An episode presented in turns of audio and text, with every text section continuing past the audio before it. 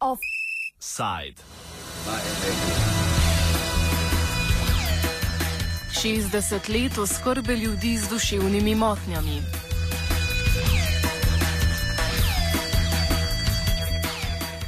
Centr za usposabljanje, delo in varstvo Matevža Langusa Radovlica obeležuje 60 let delovanja in s tem tudi organizirane oskrbe za osebe z motnjami v razvoju. Centr Matevža Langusa je bil prvi centr s to vrstno oskrbo v Sloveniji. Sprva je deloval na področju celotne države, danes pa je v Sloveniji pet tovrstnih centrov. Pred šestimi desetletji so v centru začeli s programi za lažje prizadete, kasneje pa so dodali oddelke po vsej Gorenski. Pred 20 leti so pozornost usmerili tudi v program za osebe z mirno, težjo ali najtežjo telesno ali duševno motnjo v razvoju, v zadnjih letih pa so se v centru osredotočili na programe za odrasle, ki živijo v štirih gorenskih bivalnih enotah in delujejo v dveh varstveno-delovnih centrih. Več o delovanju Centra za usposabljanje, delo in varstvo Matevža Langusa Radovlica nam je povedala direktorica zavoda Tea Beton. 60 let uh, centra Matevža Langusa, to je Centr za usposabljanje, delo in varstvo oseb z motnjami v razvoju, pomeni en velik razvoj od uh, razvijanja programov oziroma začetkov skrbi za osebe z lažjo motno v razvoju do današnjega dne, ko izvajamo programe namenjene uh, otrokom, mladostnikom in odraslim uh, z merno težjo in najtežjo uh, obliko oviranosti. Skrbimo za 185 uporabnikov in delujemo na sedmih lokacijah.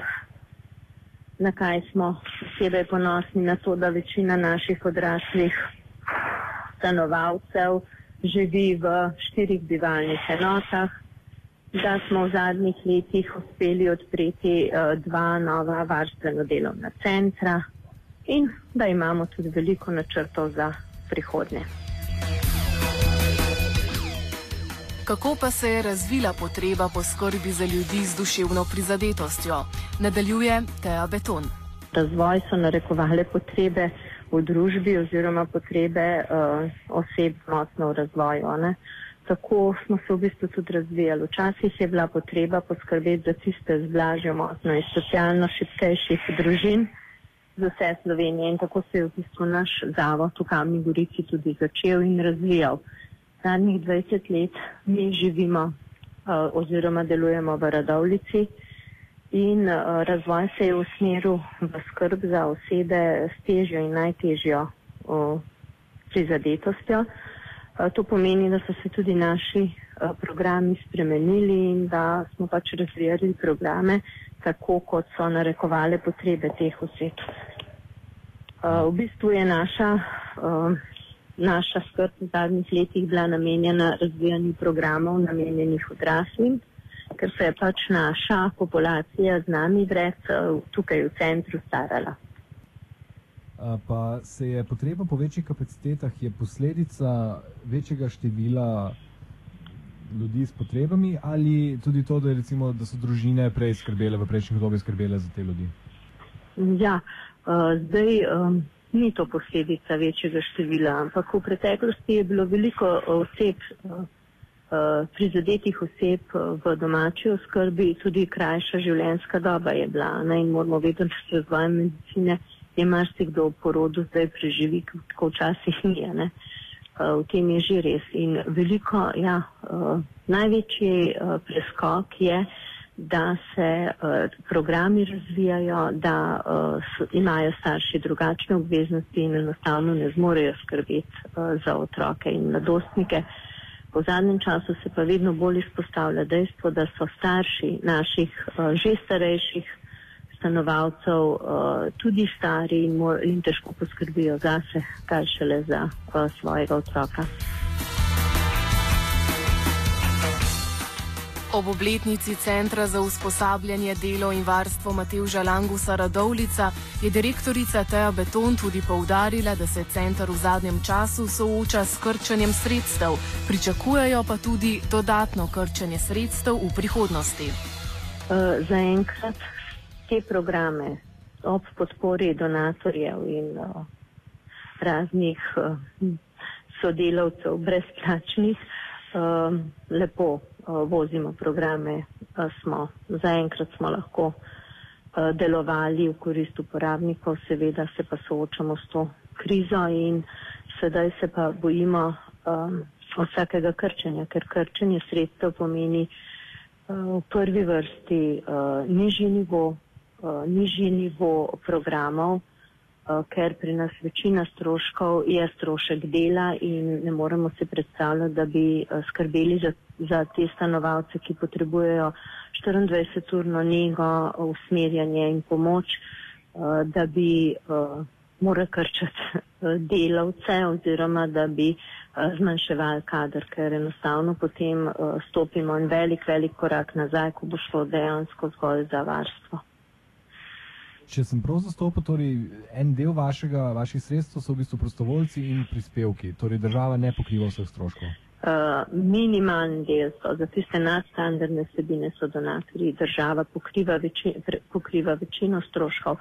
Mi smo financirani tudi iz uh, zdravstvene zavarovalnice, kjer so ukrepi enaki in pa en del uh, sredstev pa pridobivamo uh, od uporabnikov, to je za tiste starejše, tako kot je v domovih upokojencev, isti sistem je z doplačilom občin. Pa pričakujete, da se bo v luči vsega ostalega krčenja javnih financ eh, krčilo sredstva tudi vam? Eh, Pripričana sem, da v eni meri se bojo krčila sredstva tudi nam. Verjamem pa, da, da uh, tam, kjer bo šlo za neposredno delo z našimi uporabniki, da država ne bo posegala na krčenje. Sigurno se bo standard naših storitev zmanjšal. Uh, v vsakem primeru, ne, če gre tukaj samo za materialne stroške, smo že. Uh, Že, uh, je, je, že, je bilo že krčenje in tukaj je standard uh, nižji, ampak pravim, da z gospodarnim ravnanjem mi še zmoremo te programe.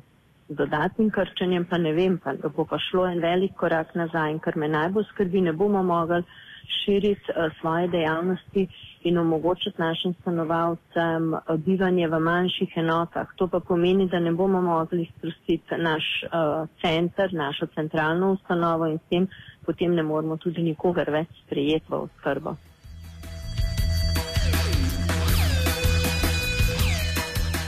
O nižanju sredstev smo se pogovarjali tudi z Eleno Pečarič iz, iz Društva za teorijo in kulturo handikepa. Ja, mislim, mi imamo težave, predvsem s fundacijo Piko, drugače pa uh, niti ne, no, mislim, kaj ne rečem. Mi pač se zavedamo, da tisto, kar imamo, s tem lahko operiramo. Mi bolj pogrešamo ene sistemske rešitve države.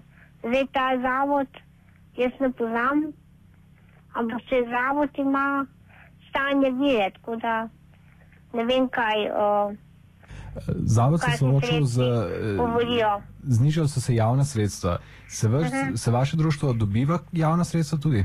Ja, ja, se mi dobivamo Sam ja, mislim, mi smo mogli letos jeseni ministrica zmanjšati za 8% in to se nam pozna pač na naših plačah. Pričakujete še dodatna znižanja?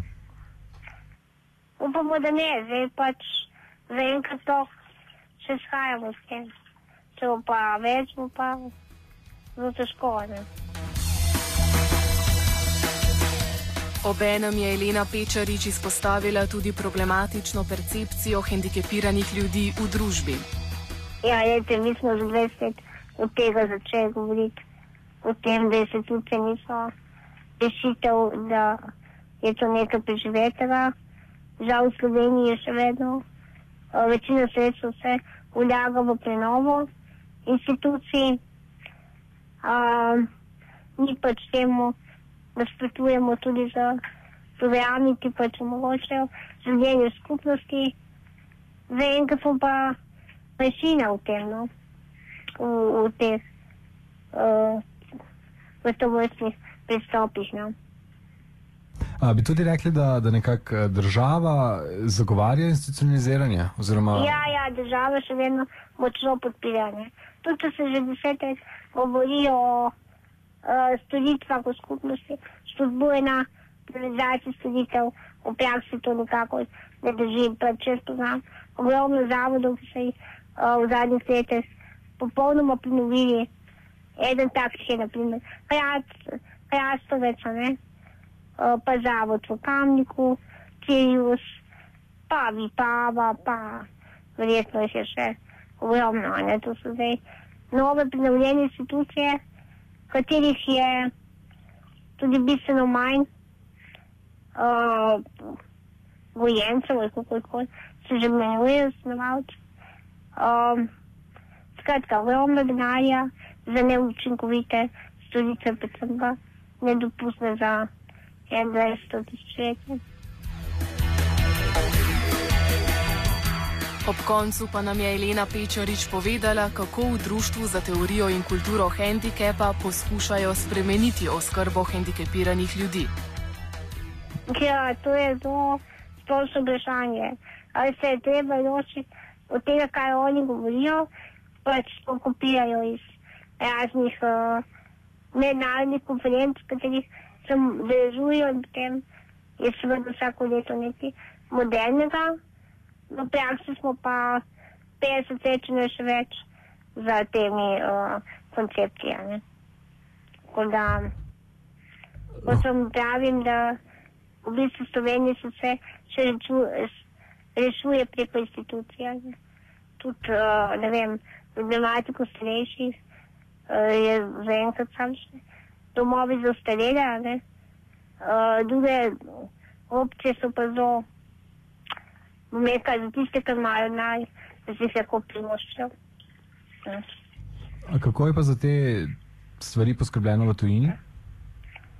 Ja, veliko več izbire je paleta možnosti, osebna asistenca, pa tudi druge storitve skupnosti. Tako da uh, v večini zahodnih držav pa sploh ne poznamo, poznajo več institucij, ki pa ne vem, da imajo sto ljudi na kupu. ne. To je nekaj, kar je nedopustno v bistvu. Ne, pri nas je pa to še vedno uh, trend in se te institucije prenavljajo in potem se jih s ponosom kaže, uh, ker so moderne. Ne. Offside je pripravil Anže Kožuh.